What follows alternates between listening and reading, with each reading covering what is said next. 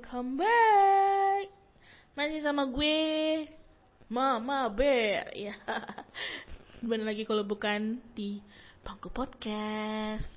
Uhuy. Hai, annyeong, yorobun. Halo semuanya. Kalian-kalian yang paling kece, iya. Paling sabar, paling kuat, paling cantik, paling ganteng, pokoknya semuanya lagi pada ngapain nih? Gimana gimana? Ada perubahan gak? Mudah-mudahan gue doain perubahan kalian itu semakin apa ya?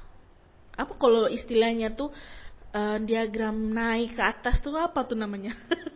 Makin apa itu? Pokoknya apa pun yang sedang kalian lakukan, apa pun yang sedang kalian hadapi, gue doain semoga lancar, semoga uh, menghasilkan hasil yang baik dan maksimal untuk kalian yang sedang menghadapi masalah, semoga masalahnya dipermudah untuk kalian sedang ingin melangkah untuk berbuat sesuatu, ya semoga dipermudah juga.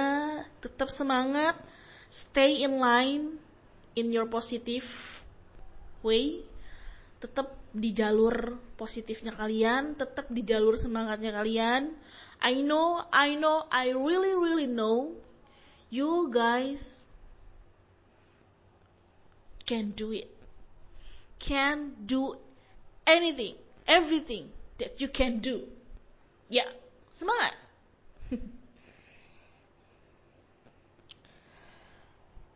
Mudah-mudahan sih ya, dengan kalian semangat, dengan kalian tetap berada di jalur kepositifan kepositifannya kalian, gue sih yakin semuanya bisa jadi lebih bisa dikendaliin ya gue juga nggak bisa janji bahwa semuanya akan jauh lebih mudah nantinya. Tapi gue yakin banget segala sesuatunya bisa kalian kendaliin. Bisa insya Allah. Merdeka Anyway, gimana nih lebarannya kalian? Lebaran atau lebaran? gue yakin sih ya kalau lebarannya itu udah dari dua bulan atau tiga bulan yang lalu. Oke, okay, oke okay, kita sama. Jangan sedih. Sama gue juga. Walaupun gue sebenarnya dari sebelum corona juga gue udah lebaran. Gak, gue serius nih. Gimana lebarannya? Kalau gue sendiri sih, there's something yang beda gitu something different between this year and last year. Sangat-sangat jauh berbeda sih sebenarnya. Karena kalau lebaran ya gue nggak tahu nih di daerah lain tapi karena sebelumnya gue udah pernah tinggal di Bogor dan gue udah sempet juga ngerasain lebaran di Bogor itu kayak gimana itu tuh sangat jauh berbeda loh dibanding di Tanjung Pinang Kepulauan Riau ini gitu. Kalau di Bogor itu, seinget gua, hari lebaran itu cuman pas hari lebaran pertama sama hari, lebaran kedua gitu. Dan itu cuman dihabiskan oleh keluarga. Keluarga besar, keluarga inti. Pokoknya keluarga lah gitu. Kalaupun ada tetangga ya paling cuma sekedar datang ke rumah, salaman, dah pulang gitu kan dan mereka pun juga ada yang mungkin pulang kampung atau ada juga yang ngumpul lagi dengan keluarga mereka masing-masing gitu loh. Nah, di Tanjung Pinang ini sangat-sangat berbeda. And I like so much gitu. Gue suka banget gitu ketika udah lebaran di sini gitu. Gak pas lebaran juga sih, pas puasa juga cuman lebih berkesannya lebih excitednya tuh di lebaran gitu kalau di Tanjung Pinang dan sekitarnya di sini pokoknya di Kepulauan Riau ini gue nggak tahu ya kayak sekali lagi gue nggak tahu di daerah lain gitu. Kalau kalian ada yang protes gue udah minta maaf nih oke? Okay? karena yang gue tahu tuh di sini. Yaudah nggak usah panjang-panjang ke intinya aja langsung. Kalau lebaran di sini itu lebih meriah gitu lebih rame pernah nonton Upin Ipin kan nah di Upin Ipin itu kan kalau Upin Ipinnya lagi lebaran pasti teman-temannya semua tuh datang ke rumah Upin Ipin mereka makan mereka cicipin gitu kan makanan yang ada di rumah Ipin, Upin Ipin, masakan yang disediakan sama Kak Ros. Nah, seperti itulah kita di sini. Jadi kurang lebih itu sama budaya ya, gak budaya ya, pokoknya um, kebiasaan mem memeriahkan Lebaran itu sama. Tanjung Pinang, Kepulauan Riau dan sekitarnya ini sama dengan Malaysia dan Singapura. Kita sama-sama menjamu tamu dan menjamu mereka dengan makanan yang kita punya. Kita juga ngasih ampau yang kita sebut duit raya gitu loh. Nah, duit raya ini yang paling ditunggu-tunggu gitu. Ketika waktu gue di Bogor dulu, gue tuh taunya dulu dapat THR lah istilahnya kan. Dapat THR terus itu juga paling dari bade gue, bude gue, mbah, dapat dan segala macam pokoknya dari orang tua yang sudah kerja di atas gue gitu kan. Nah, kalau di sini tuh enggak enggak tidak seperti itu gitu. Jadi ada istilahnya tuh nambang gitu. Nambang nambang ini adalah terdiri dari anak-anak kecil kisaran umur dari SD kelas 1 sampai SMP lah ya. Dari situ mereka itu keluar dari hari raya kedua nih biasanya paling rame. Hari raya pertama tuh jarang karena mungkin mereka menghabiskan waktunya untuk keluarga juga ya. Nah dari hari keluar hari raya kedua, Lebaran kedua ini, mereka mereka mereka itu bergerombol nih sama teman-temannya pergi ke rumah satu, ke rumah lainnya, ke rumah satu, ke rumah lainnya gitu. Walaupun itu jauh dari rumah mereka. Nah, pernah nih waktu gua masih tinggal sama nyokap, which is waktu gue masih sekolah dulu gue lebaran udah di Tanjung Pinang kan jadi datanglah tiga orang anak-anak yang gak gue kenal pastinya tuh bukan daerah situ bukan daerah rumah dekat rumah gue juga gitu kan. Mereka datang biasa gue suruh makan gue suruh minum dan segala macam. Nah bokap gue nih nanya nih sama dia mereka dari mana? Rupanya mereka dari jauh. Radiusnya itu 5 km dari rumah gue bayangin mereka jalan. Nah kebetulan kan saat itu nyokap gue mungkin lagi ada rezekinya ya nyiapin duit raya gitu di ampau gitu kan di amplop kecil gitu. Ya walaupun isinya tuh nggak banyak tapi saat itu tuh uang segitu tuh lumayan gitu kan. Dikasih karena karena nyokap tuh pikir oh cuma tiga orang gitu kan. Ya udah dikasih. Gak taunya mereka ini bersepuluh dong. Tapi sistem mereka, sistem pokoknya prosedurnya mereka itu kalau misalnya rumah itu bagi duit, bagi ampau, bagi duit raya, nah mereka tuh bakalan kasih tahu nih ke teman-teman yang lain. Itu woi rumah kebetulan saat itu tuh rumah gue warna merah kan. Itu woi rumah warna merah woi. Bagi-bagi duit gitu kan.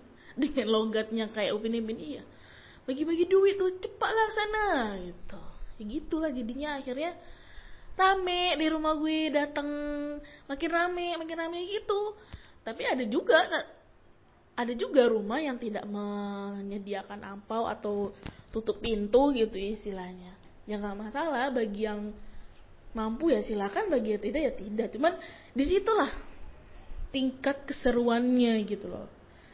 Nah selain itu di sana di sini itu kita tuh hmm, dap apa ya ciri khasnya itu itu satu lagi apa air kaleng jadi kalau orang-orang yang udah kerja dapat THR dapat bingkisan biasanya kalau yang gue tahu nih waktu di Bogor gue neng ngeliat bude atau om om gue dapat THR dalam bentuk kue itu ya kayak biskuit-biskuit gitu kan, sirup, wafer gitu. Nah, kalau di sini enggak.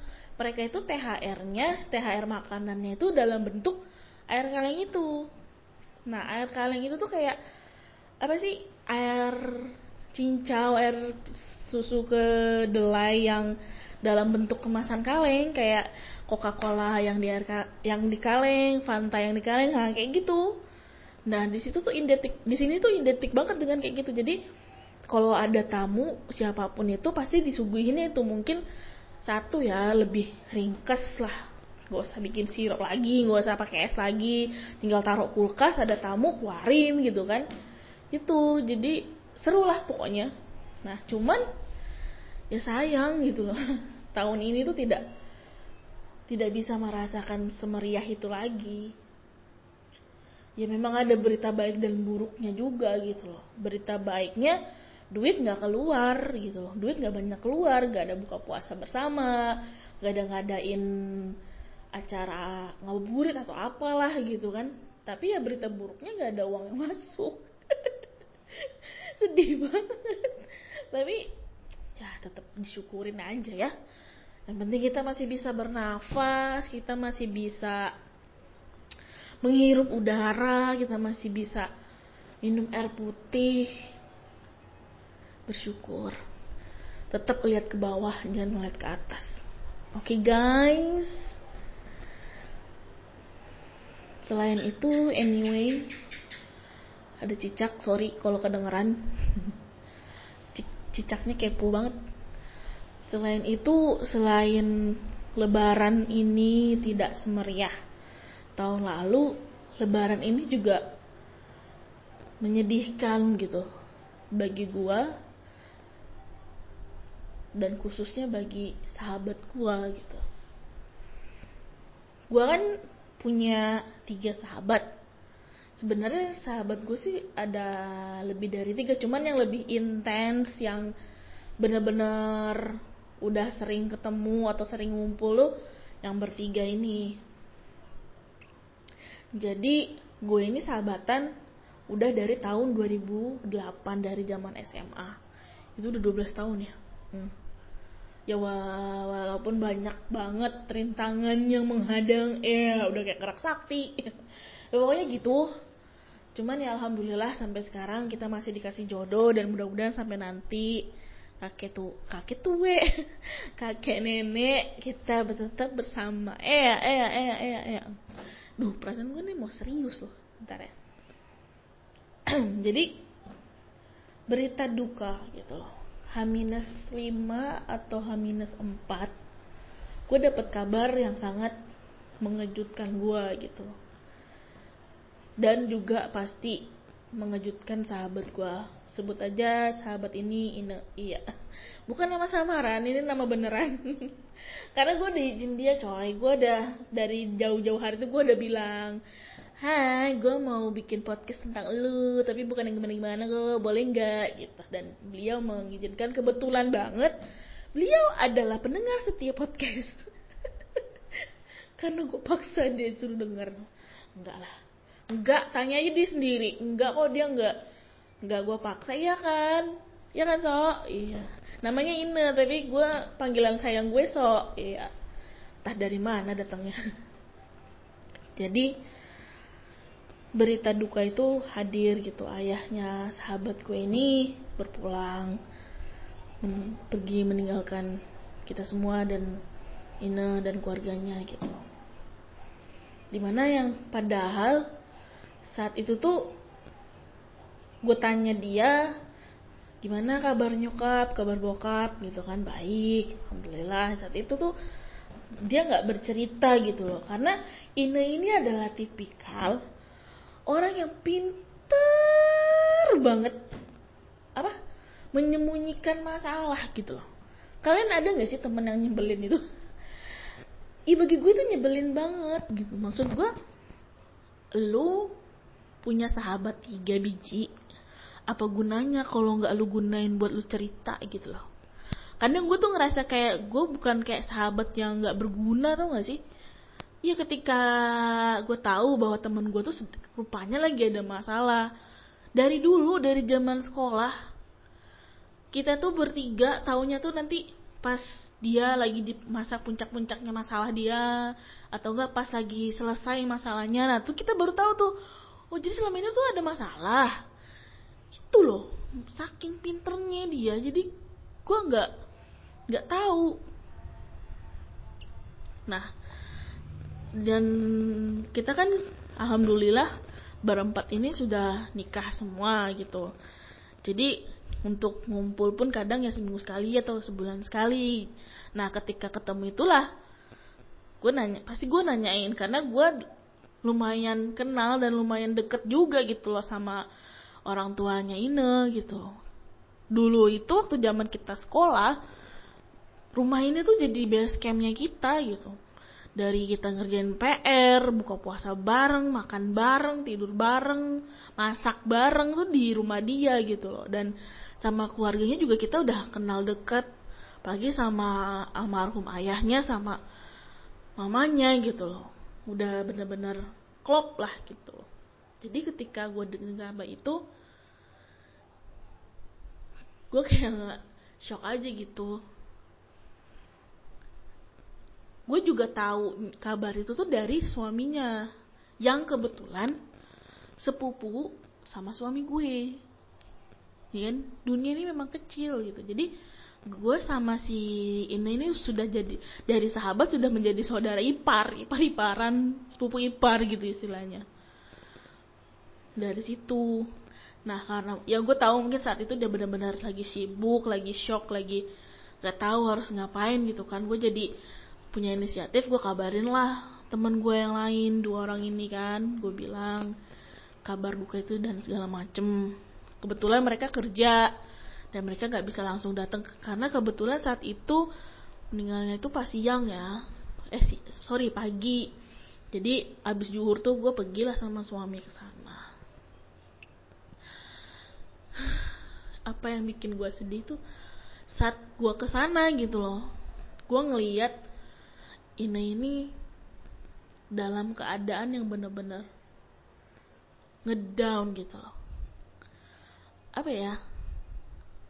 Untuk pertama kalinya dalam hidup gua gitu loh.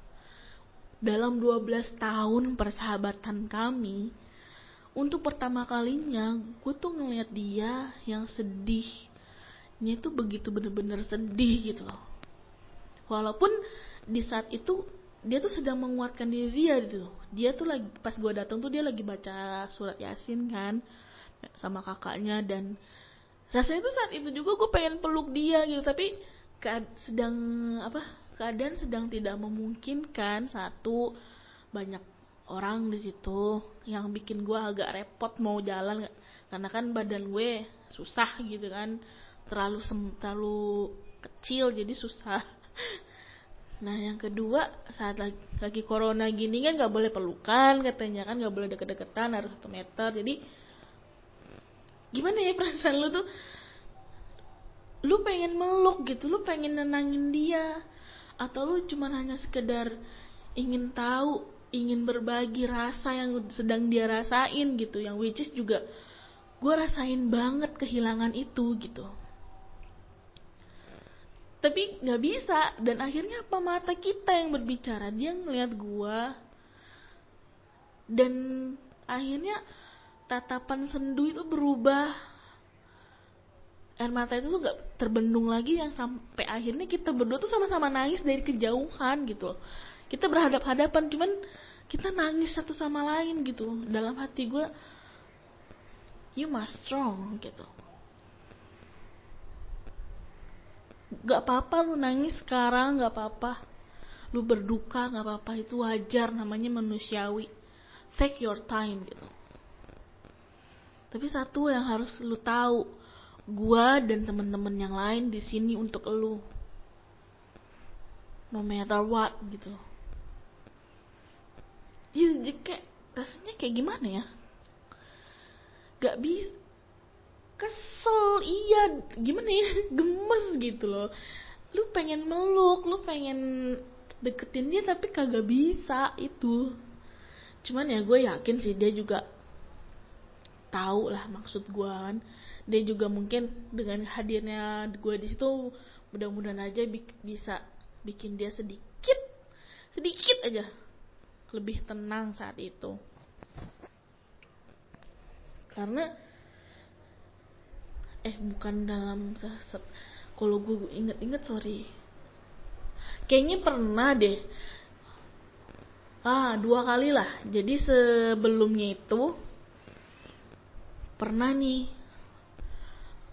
Mertuanya sakit. Mertua ini nih sakit. Jadi gue jenguk lah sama suami ke rumah sakit. Di situ tuh pas udah sampai di rumah sakit gue ngeliat ini tuh gimana ya? Dia tuh kayak beban dalam mata. Gue tahu ya gue gue tuh kadang bisa bisa tahu orang tuh lagi sedih atau enggak tuh hanya dari matanya gitu kan. Tapi orang-orang tertentu kayak orang-orang terdekat aja. Bukan berarti gue indie home atau gua apa bukan bukan indigo atau yang bisa baca karakter orang enggak. Lu pasti bisa deh.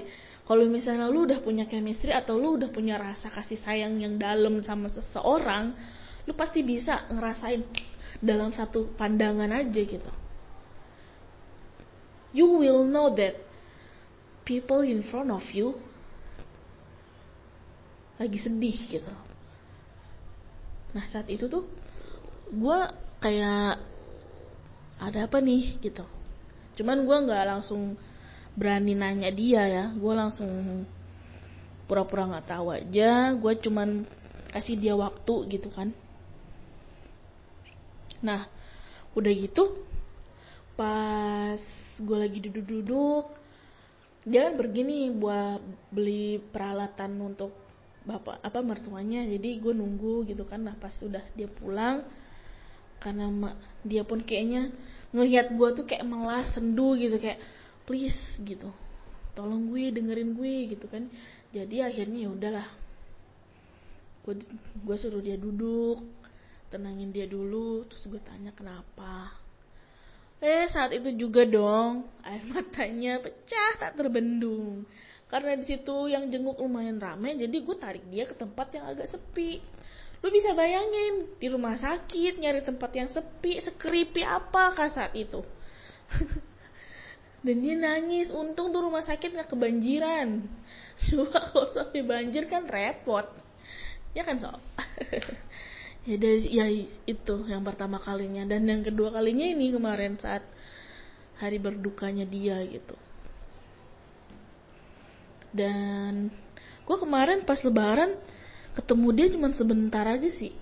Pas hari ketujuhnya almarhum sama berapa hari yang lalu ya? Empat atau lima hari yang lalu gue ketemu sama dia dan kita tuh belum bisa banyak bicara belum bisa banyak ngomong gitu kan. Gue juga kayak mau nanya almarhum tuh gimana apa kronologis segala macam tuh gue gak kayak nggak bisa tuh nggak sih? Ada temen yang nanya kan gue share nih um, infonya ke grup sekolah dan segala macem. Ya gue nggak bisa jawab gitu maksudnya gue juga nggak tahu dan gue juga nggak mau cari tahu tapi bukan karena gue nggak peduli tapi maksudnya gue nggak mau gitu bikin sahabat gue ini jadi nambah ngedrop dengan dia menceritakan apa yang telah terjadi. Sadar gitu.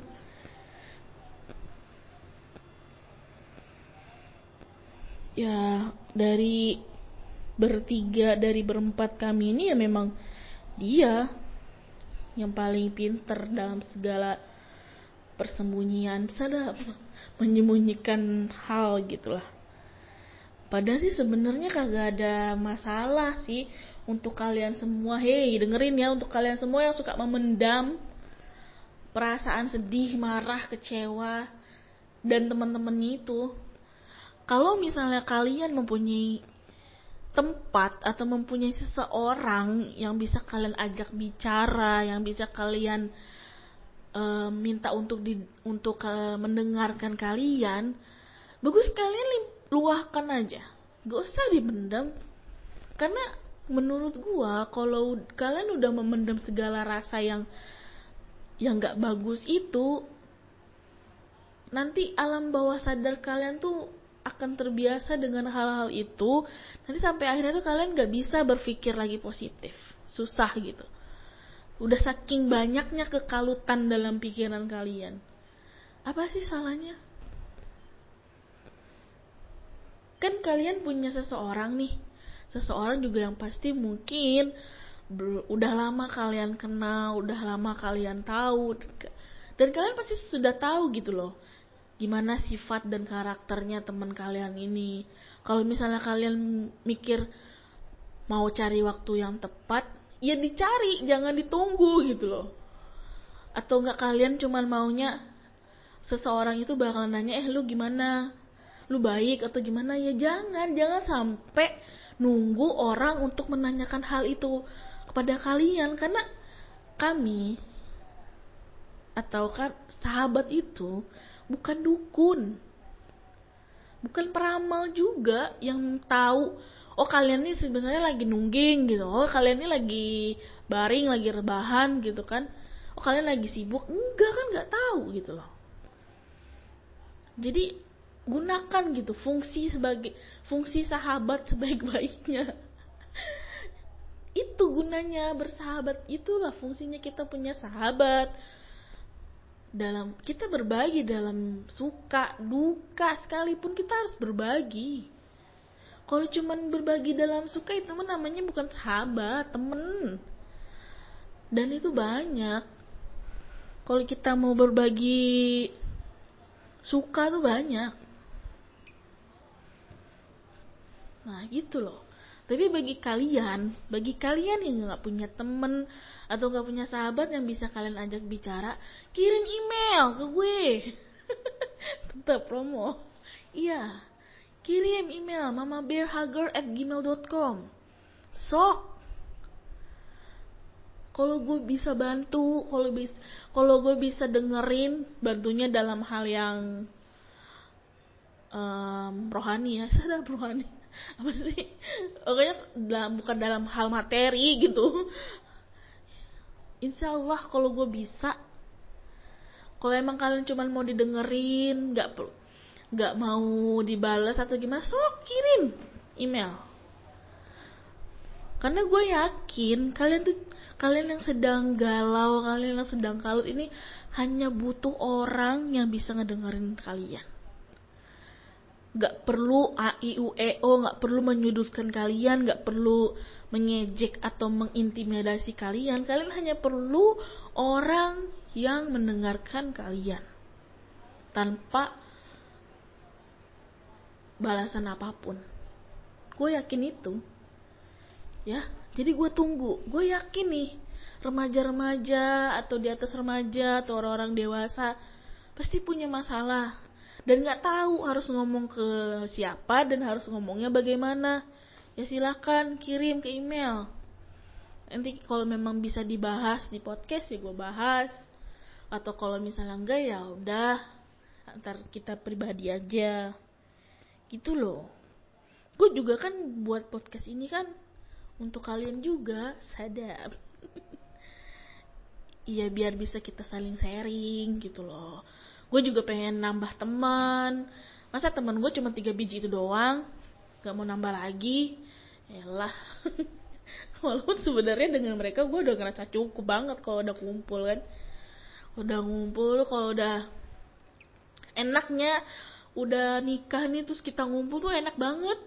Gak inget waktu pun gak masalah. Kita tuh ngumpul pulang paling cepet tuh jam 12 paling cepet loh itu karena kan kayak gini kayak nggak cukup aja gitu waktu. Ya kan? Kayak masih kurang aja. Padahal kalau kata yang Pinang tuh tahap apa yang kita ngomongin? Iya. Iya nggak tahu apa gitu yang kita ngomongin ngalur ngidul gibah pas segala macam. Tapi ya alhamdulillah gibah sih udah kurang. Kita tuh kayak lebih ngomongin masa depan kayak lebih ngayal-ngayal nggak jelas gitu. Terus kayak flashback dari masa lalu dulu tuh kita gimana. Iya bener jadi kemarin nih barulah kemarin kita bahas tentang flashback di masa SMA kan. Gue inget nih gue ngomong sama teman-teman gue pas ngumpul.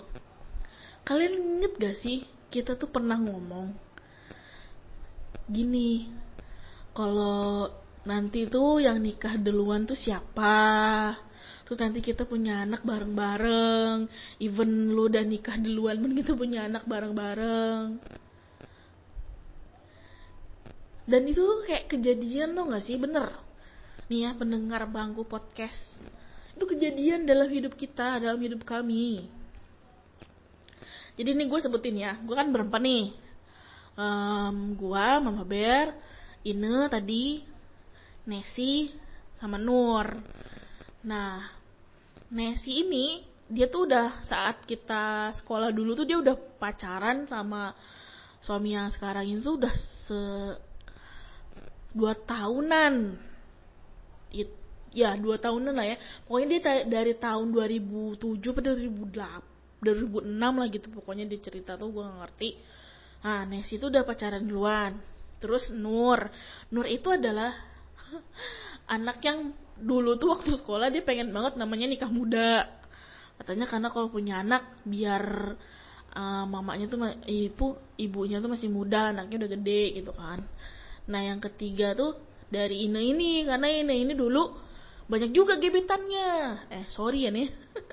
Iya nah keempat tuh gua karena gua tuh masih mikirin untuk pendidikan dan segala macam dan walaupun pada kenyataannya bullshit gitu ya jadi gitu. Jadi gue bilang ini nih yang nikah duluan nih pasti Nesi gitu kan. Terus nanti Nur terus nanti Ine terus nanti Sugua gitu kan Mama Bear jadi bener dong beneran. Yang nikah duluan tuh Nesi di tahun 2013 ketika dia udah 7 tahun. Nah gak lama dari itu 2014 nya Nur terus gak lama itu di tahun 2017 apa 2016 gitu Ine. Nah 2019 gua. 2019 kan gue kan. Jadi baru-baru satu tahun yang lalu ini kan. Nah lu inget kan Nancy itu udah nikah dari tahun 2013 karena kita karena gue udah ngomong nanti kita punya anak bareng-bareng alhasil Nancy itu baru baru hamil ketika kami semua udah pada nikah. Coba begitu saking dahsyatnya perkataan gue kami saat itu gitu loh. Diijabah sama Allah memang bener-bener kalau berkata tuh yang baik lah hei gak usah deh macem-macem gak usah deh buat perjanjian segala macem gak usah. Iya Nisi tuh hamil udah lima bulan doain mudah-mudahan lancar ya persalinannya ibu sama dedeknya sehat bisa ketemu ibunya, miminya, mamahnya. Ya kita nggak mau nih. Kita sepakat nanti anaknya nggak boleh manggil kita itu tante om gitu nggak. Gue panggilan kesayangannya ibu, ini panggilan kesayangannya Mimi, Nur panggilannya mama. Nesi sendiri bunda. Iya, jadi kita semua udah punya panggilannya masing-masing gitu. ya Allah, gue nggak nggak sabar gitu. Mudah-mudahan sehat, bisa ketemu dengan, langsung dengan keponakan gue ya Allah dan bisa nular juga kita semua mudah-mudahan benar yang dibilang kita punya anak sama-sama apa-apa deh biar sekolahnya bisa ngerumpi lagi jadi pas nganterin anak kita ngerumpi nggak ding ya jadi gitulah keseruannya kami. Dan mudah-mudahan untuk ini yang mendengarin yang dengerin ini please ya. Next time kalau lu ada masalah kalau lu ada rasa gelisah kecewa sedih dan segala macem gue adalah tempat pertama. Kami adalah tempat pertama yang akan menampung cerita lu apa pun itu I know you are strong woman that I've ever met. Kalau misalnya sekarang lu lagi nangis dan ketika lu denger podcast ini lu nangis lagi, ya gak apa-apa. Nangis sekarang, nangis untuk mengingat, nangis untuk mengenang itu adalah hal yang normal. Tapi bukan berarti lu berhenti sampai di sini, lu berhenti sampai di situ. Lu harus tetap cari kebahagiaan lu. Lu harus tetap menjadi anak bap ayah lu yang baik, yang bahagia tentunya.